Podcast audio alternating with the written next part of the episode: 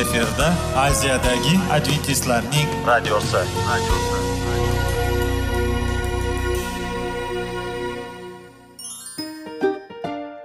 assalomu alaykum aziz radio tinglovchilar. Sog'liq daqiqasi rubrikasiga xush kelibsiz. Zero tananing sog'lom bo'lishi va uning kasalliklardan saqlash har bir insonning burchi hisoblanadi. Inson uchun bebaho boylik bu sog'liq salomatlikdir. Uni asrash esa har birimizga omonat qilib berilgan. Shuning uchun ham inson o'z sog'lig'ini ehtiyot qilishi voajib amallardan hisoblanadi. Dono xalqimiz sog'liq tuman boylik deb bejiz aytmagan. Aql idroq sohibi bo'lgan inson o'z hayotini qadrlashi lozim bo'ladi.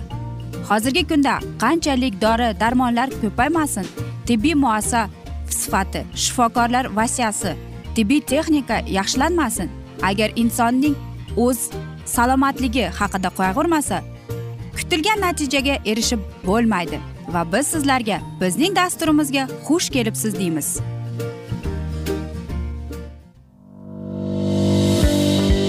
Sog'liq daqiqasi soliqning kaliti qiziqarli ma'lumotlar faktlar. Har kuni siz uchun foydali maslahatlar. Sog'liq daqiqasi rubrikasi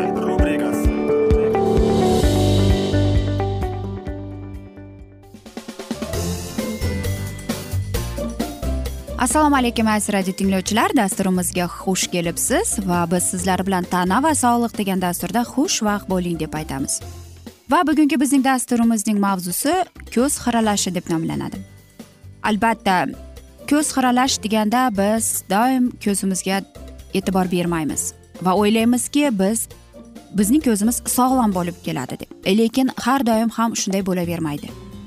Ba'zi insonlar hozirgi zamonda aytaylik ko'p kompyuterda o'tiradi va albatta ko'z ko'rishi yomonlashib qoladi. Yoki kitob o'qiganda. Va mana shunday asnoda nega shunday bo'ladi? Qarangki ko'z xiralash buning sabablari. Albatta buning sabablari juda ko'p. Ko'zning vizual funksiyasini yomonlashuvi genetik moyillikning natijasi shuningdek har qanday tashqi omillarga ta'sir qilish natijada bo'lishi mumkin ekan. Ko'pincha ko'rish yo'qolgan yoki sezilarli darajada yomonlashgan. Nima uchun bir necha sabablar birikmasi bor? Shuning uchun u aniq ko'zlar e, salomatligini ta'sir nimada aniqlash qiyin ekan. Va mana shu joyda aziz do'stlar hammaga savol bergim keladi. Aytingchi aziz do'stlar siz ko'zingizni oxirgi marta qachon tibbiy ko'rikdan o'tib ko'z doktoriga uchragansiz? Agar shunday bo'lmasa qarangki e, olimlarning doktorlarning shifokorlarning aytishida inson zoti e, bir yilda ikki marta tibbiy ko'rikdan o'tib turish kerak ekan. Va faqatgina o'shanda siz ko'z xiralashingizning oldini olasiz. Albatta ko'rish qobiliyati yo'qotish muammosi butun dunyoda o'tkir.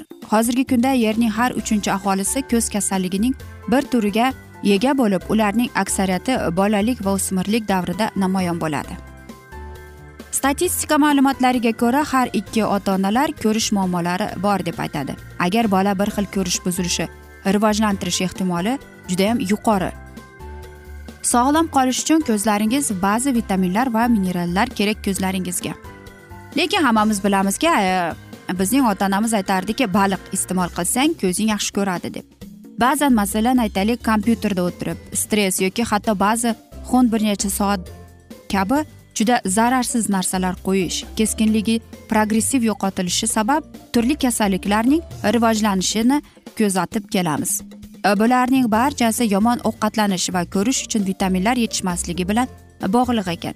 E, ha aziz do'stlar olimlarning aytishicha bizning ovqatlanishimiz ham ko'zning ko'rish qobiliyatiga zarar va unga ta'sir qilib ko'rsatar ekan.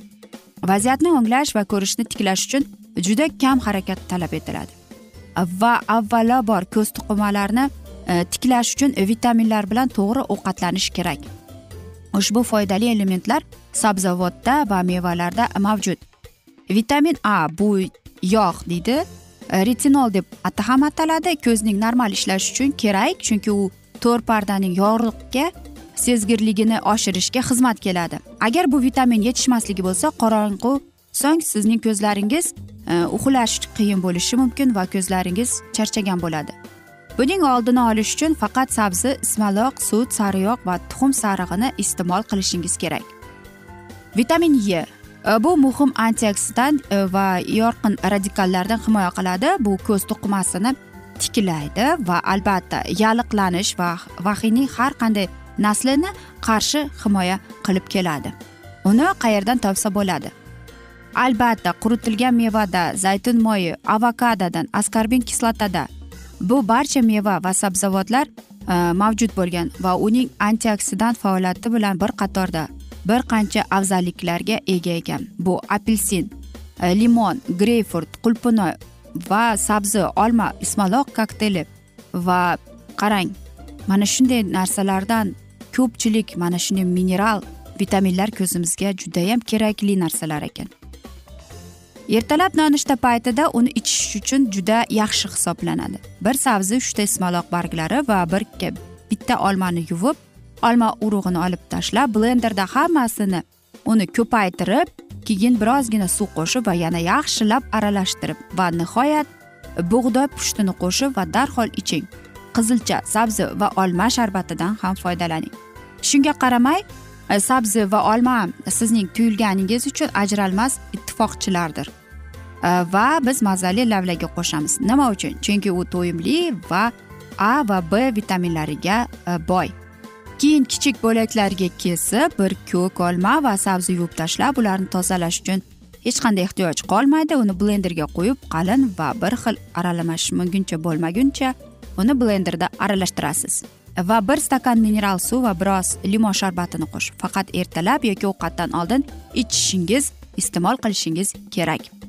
Va mana shunday bir e, meva borki bu smorodina hammamiz bilamiz e, bu ajoyib meva va u o'zining ta'mi bilan hammani o'ziga rom qilgan. Lening uni lekin bu smorodina bizning ko'z qarashimizga qanday ta'sir ko'rsatadi? Qarang siz yaxshi ko'rishni istaysizmi? Smorodina yenglar bir necha tadqiqotlar e, smorodida aslida yaxshi ko'rish uchun va u ko'r sabab kasalliklarga yuzaga kelishdan oldini olish mumkin deb ko'rsatib keladi. Askarlar kechasi mana shunday smorodinani yeyishadi va urush paytida ham smorodina yeb ko'zlariga hech ham shikoyat qilishmagan ekan. Yarim litr suvga to'ldirgan e, skоворodkaga smorodina uch qoshiq qo'ying. O'n daqiqa davomida qaynatib uni qotirib va bir kunda e, bir kun bu bulyondan to'rt stakan ichishingiz kerak ekan. Aziz do'stlar mana shunday biz siz o'ylaymizki sizlarga foydali e, va kerakli dastur bo'ldi deb. Chunki ko'z bu inson zotining eng kerakli organizm hisoblanadi. Va mana shunday asnoda biz bugungi dasturimizni afsuski yakunlab qolamiz. Chunki vaqt birozgina chetlatilgani sababli lekin keyingi dasturlarda albatta mana shu mavzuni yana o'qib eshittiramiz. Va albatta sizlarda savollar tug'ilgan bo'lsa biz sizlarni salomat klub internet saytimizga taklif qilib qolamiz va biz umid qilamizki siz bizni tark etmaysiz deb chunki oldinda bundanda qiziq bundanda foydali dasturlar kutib kelmoqda. Va biz sizlarga sog'lik salomatlik tilagan holda xayrlashib qolamiz.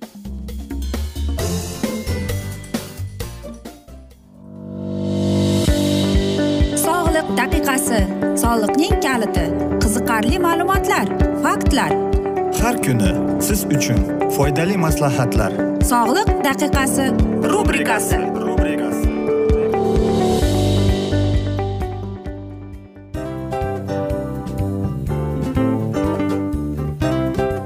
Mana ha hayotda hamma narsaning yaxshi narsalar tugaydi va yakunlaydi degandek bizning dasturimizga ham yakun keldi o'ylaymanki bizning dasturimiz sizga foydali bo'ldi deb aziz radio tinglovchimiz. Va siz o'zingiz uchun kerakli xulosalar kerakli maslahatlar olib oldingiz. Aziz radio tinglovchimiz biz bilan qoling va keyingi dasturlarimiz albatta undanda qiziqroq bo'ladi. Mana shu alfozda sizlar bilan xayrlashib qolaman.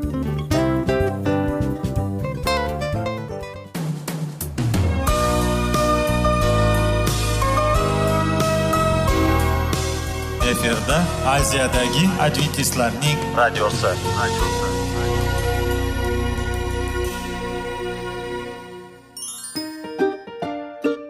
assalomu alaykum aziz radio tinglovchilarimiz.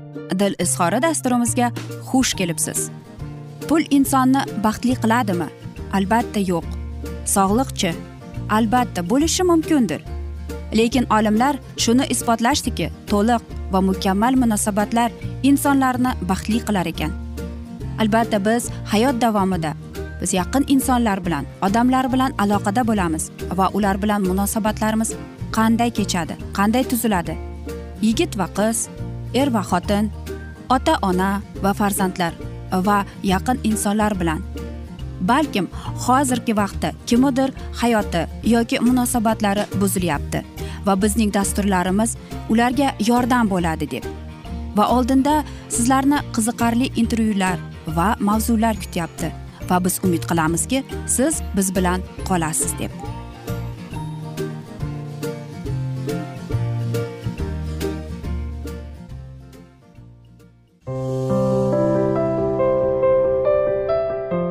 Kuni har xil kasbdagi odamlar bilan sirlashish va bo'lishish sevgi rashq munosabat bularni hammasi dil izhori rubrikasida.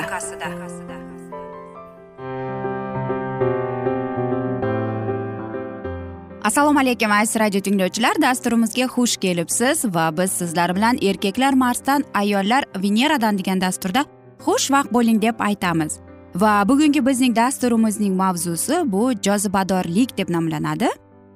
Albatta jozibador deganda bizning xayolimizga ayniqsa erkaklarimizga go'zal va yoqimli ayollar keladi. Lekin bilasizmi ba'zilar e, ularga umuman e, e'tibor berilmayotganidan xafa bo'lishar ekan. Lekin buni tuzatish uchun e, juda oson sabablari bor. Darhol hammaning diqqatini hatto shifokorlarning ham. Lekin bunda e'tibor kerakmi? Albatta yo'q.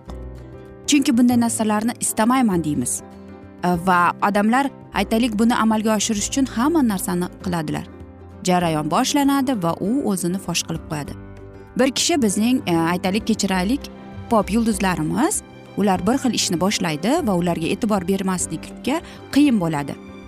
Va biz ko'p kinolarda ko'ramiz ulardagi masalan aytaylik hammamiz ham yoshligimizdagi ishqdagi ishq degan kinoni ko'rganmiz albatta. Yoki mana shunday bir film bor eng dilbar va jozibador. Albatta yoki ofis romantik yoki o'z hisobidan dam olish. Mana shunday aytaylik kinolarni ko'rganimizda albatta biz aytamizki qanday qilib bular bo'lishi mumkin deb. Va albatta ular iltifot olishgan. Odamlar sizga tez tez yoqimli jozibali ekanligingizni aytadimi? Yoki bularning barchasi nimani anglatadi? Keling sizlar bilan azhevning lug'atiga qarab ko'raylik. Umuman bu yoqimli yoki aytaylik mana shu jozibadorlik bu yoqimli degani ekan. Maftun bu jozibaga to'la degani ekan. Maftun etishga qodir yoki maftunkor yoki go'zal yoki fayzli mana shu birgina so'zning qarangki qancha qancha ma'nosi bor. Dilbar maftunkor jozibali jozibador. Bu o'ziga ega bo'lgan o'ziga jalb e'tiborni qiladigan kishini aytar ekan. Bu qanday sodir bo'ladi va nima uchun bu e'tiborni qaratilmoqda? Balki bu yomon tarbiyadandir yoki boshqa narsa bormi? Yorqin qizil yoki sariq bir ayol yashil barglar orasida paydo bo'ladi deb tasavvur qiling. Qarash agar uni xohlaysizmi yoki yo'qmi unga qaratilgan bo'ladi. Va bir muncha vaqt uchun tomosha qilinadi. Faqat bir lahza. Lekin bu ayol sariq qip qizil barglar orasida kuzga borsa biz uni sezmay ham qolishimiz mumkin ekan. Shunday qilib yorqin yoki qorong'i bo'lishidan qat'iy nazar barcha kontrastlarga javob beradi va aytaylik hech kim unga e'tibor bermayapti. Albatta biz tabiatning qolgan qismida xuddi shunday bo'lamiz faqat o'rchoqlar yo'q. Lekin erkaklar ajralib turadi. Nega deymizmi? Chunki erkaklarning jozibadorligi ham bor qarangki. Lekin ular judayam jiddiy. Va mana shu joyda savol bermoqchiman. Xo'sh. Inson qanday jozibali va yoqimli bo'lishi mumkin? U olomondan qanday ajralib turishi mumkin? O'zingiz uchun nima qilishingiz mumkin?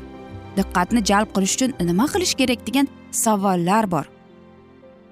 Qarangki birinchi o'rinda bu tana. Ba'zi bir insonlarni ko'ramiz va u bizning diqqatimizni qaratadi va uning tanasi. Kimdir semiz kimdir ozg'in. Yoki masalan kiyim. Kiyim bilan ham insonlarning odamlarning e'tiborini qaratishimiz mumkin ekan. Bezaklar va hokazo nazalar. Yoki bizning xulq atrofimiz xatti harakatlarimiz ham. Nuqt. Mana shunday narsalar albatta insonlarning jalbini e'tiborini biz o'zimizga qaratamiz ekan. Bu ham haqiqat lekin bu butun hayotda tark etmaydi. Har bir inson uchun foydali ma'lumotlar qahramonlardan biri shunday deydi. Qarang e, biz hammamiz e, nafalet qayerda degan kinoni ko'rganmiz. Shuning uchun o'sha kinoni ko'rganimizda bizning mm, eski va judayam ajoyib kino. Lekin qanday qilib? Va qachon yaxshi kayfiyat va ishonch bo'ladi? Keyin atrofingizdagi odamlar sizni masxara qilmaydi barmoqlaringizni ko'rsatib sizni ustingizdan kulmaydi yoki aksincha hayratda qoladilar. Keyin tomosha qiladilar hatto bo'ynini ham silkitib ustunlarga urishadi. Keyin yaxshi kayfiyat va ishonch bo'ladi va u shunga o'xshab inson o'zi uchun shunday qiladi. Aytgancha b bu kim uchun o'zi uchun degan savol keladi. Tana uchunmi? Ammo jasad qanday ko'rinishiga ega emas ruh uchun. Shunday qilib u boshqa dunyodan va u ham g'amxo'rlik qilmaydi. Shaxsiyat uchun? Ha shaxs. U uchun siz xohlaganingizgacha uni chaqiring. Ya'ni bularning barchasi ijtimoiy jihatdan rad etmaslik uchun amalga oshiriladi. Buning uchun aslida yaxshi ko'ra olish va mana shunday narsalardan foydalaning.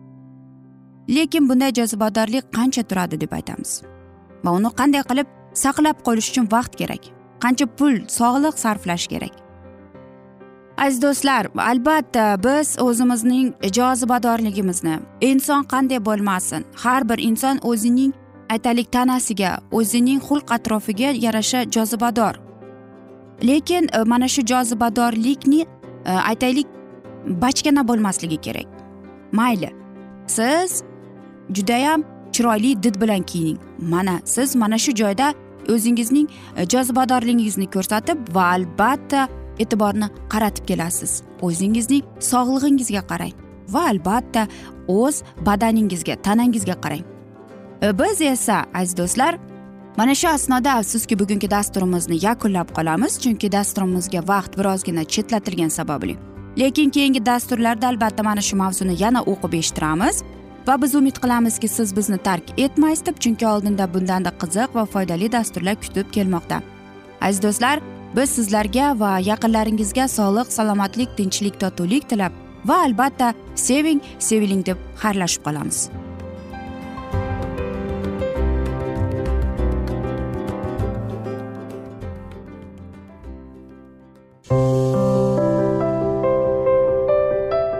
Har kuni har xil kasbdagi odamlar bilan sirlashish va bo'lishish.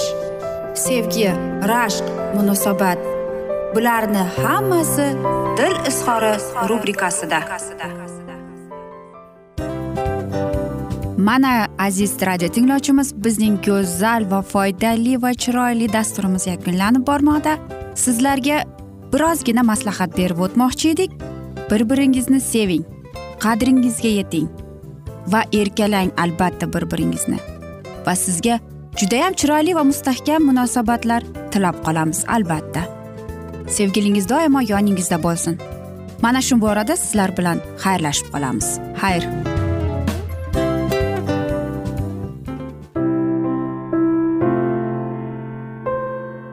Hayotning noni. Qiziqtirgan savollar va javoblar.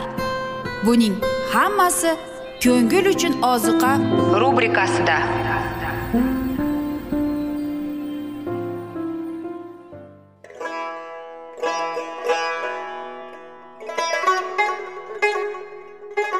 Assalomu alaykum aziz radio tinglovchilarimiz. Ko'ngil uchun oziqa rubrikasida xush kelibsiz deymiz. Siz haqiqatni izlayapsizmi? Olamnimi? Umidnimi? Siz kimga murojaat qilmoqchisiz? Odamlar ko'pincha siyosat kuchiga tayanadilar. Dunyo iqtisodiyoti holati tobora chuqurlashib bormoqda. Tabiiy ofatlar va texnogen halokatlar minglab insonlarning hayotini olib ketib juda katta zarar yetkazmoqda. Sizga abadiy hayot inomini hadya qiluvchi va hayotingizni tubdan o'zgartiruvchi haqiqatni izlab toping. Xudo haqidagi haqiqat uning kalomida mujassamlashgan. Kimki bu haqiqatni butun qalbi bilan izlasa albatta unga yetishadi. Bu sevgi xudoning tarixidir. Hayotingizda yoki sizning yon atrofingizdagi olamda nimalar yuz berishidan qat'iy nazar? Siz ertagi kunga buyuk umid va ishonch hosil qilishingiz mumkin. Hozirda xudo sizga taklif qilayotgan umid ishonchga o'z qalbingizni oching va sizni qiziqtirayotgan mavzularni savollaringizga javoblaringizni topib olasiz deb umid qilamiz. Biz bilan qoling.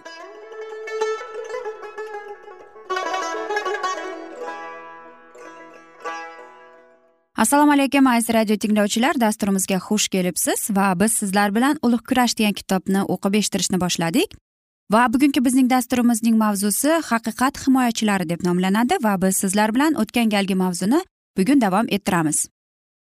Vahiy kitobning o'n to'rtinchi bobida ifodalab berilgan bu haqiqatlar abadiy injilda shunday bog'liq. Masih olamga kelganda uning jamoatining o'ziga xos xususiyati bo'ladi. Chunki uch marotaba e'lon qilingan xabardan so'ng xudoning amrlariga rioya qiladigan va isoga e'tiqodi bo'lgan xalq yig'iladi. U masih kelishidan oldin dunyoga e'lon qilingan so'nggi xabar bo'ladi. Xabar e'lon qilinishi bilanoq inson o'g'li payg'ambarga vahiy orqali ayol qilingandek yetilgan hosilni yig'ib olish uchun shon shuhratda keladi.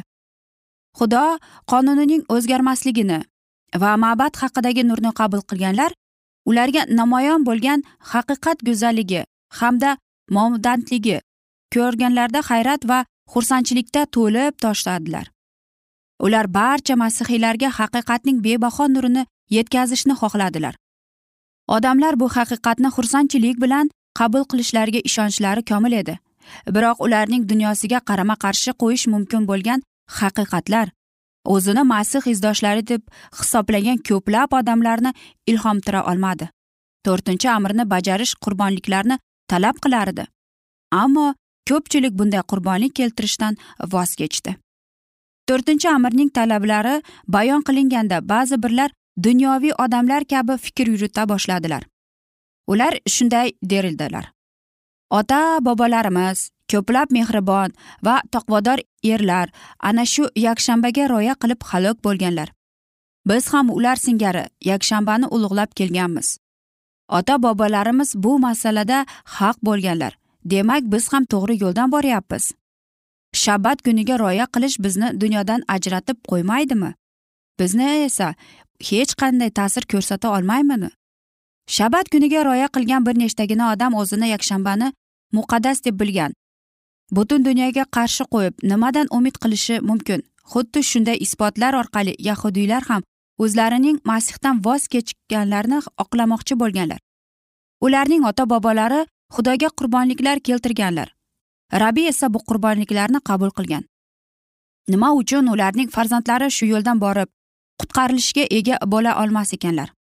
Shu singari lyuter davrida papa hokimiyatining ta'qidlashicha katoliklar bo'la turib haqiqiy masihiylar halok bo'layotgan ekan demak bu din qutqarilishiga olib boradi.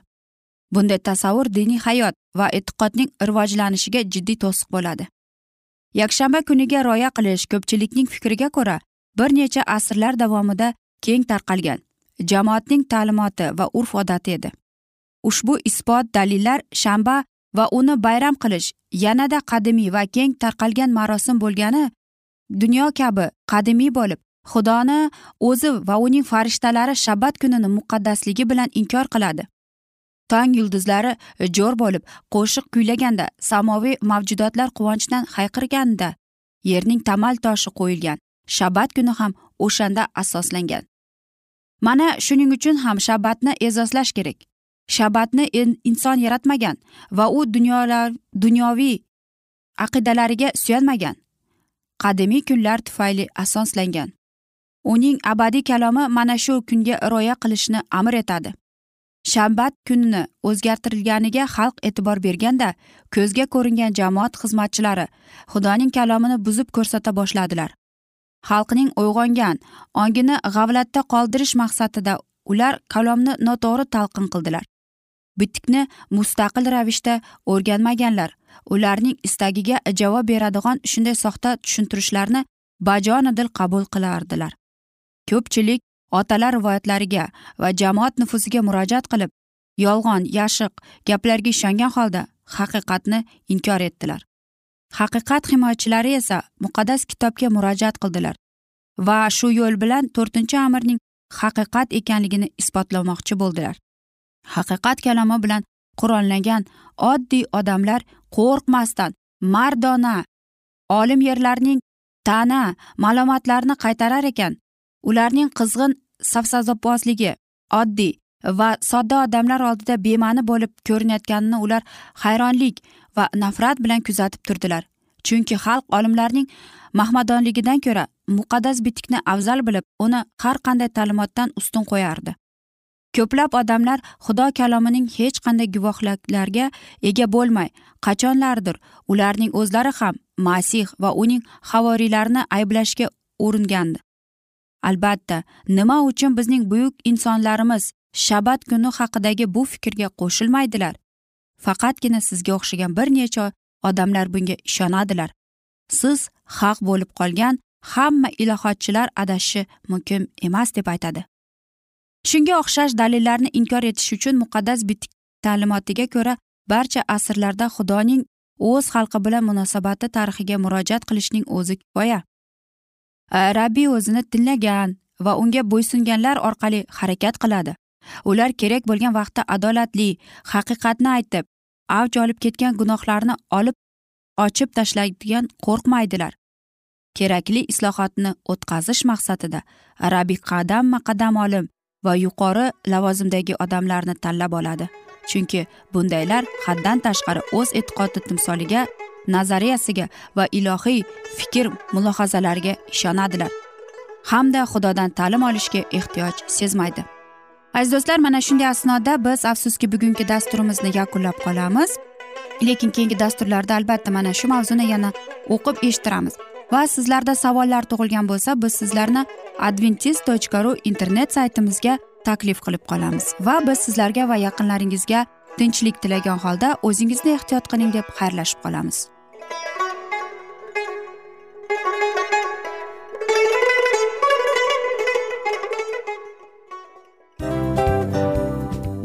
Aziz radio tinglovchimiz hamma yaxshi narsaning yakuni bo'ladi degandek bizning ham dasturlarimiz yakunlanib qolmoqda. Aziz do'stlar o'ylaymanki bizning dasturlarimiz sizlar uchun judayam foydali bo'ldi deb bizning dasturlarimizdan siz o'zingizga foydali va judayam kerakli maslahatlar oldingiz deb. Masalan sog'liq borasida. Biz sizlarga sog'liq tilaymiz albatta lekin bizning maslahatlarimizga ham amal qilishga unutmang. Munosabatlarga kelganda bu munosabatlar chuqur va yaxshi bo'lishi uchun uni ustidan ishlash kerak albatta. Diniy masalaga kelsak aziz do'stlar bu judayam jiddiy va chuqur nazarni talab qiladi. Ammo biz sizlar bilan xayrlashib qolmaymiz keyingi dasturlarda eshittirishimizni davom ettiramiz va sizlar bilan mana shu yaxshi kayfiyatda xayrlashib qolamiz. Va keyingi dasturlarda ko'rishguncha xayr!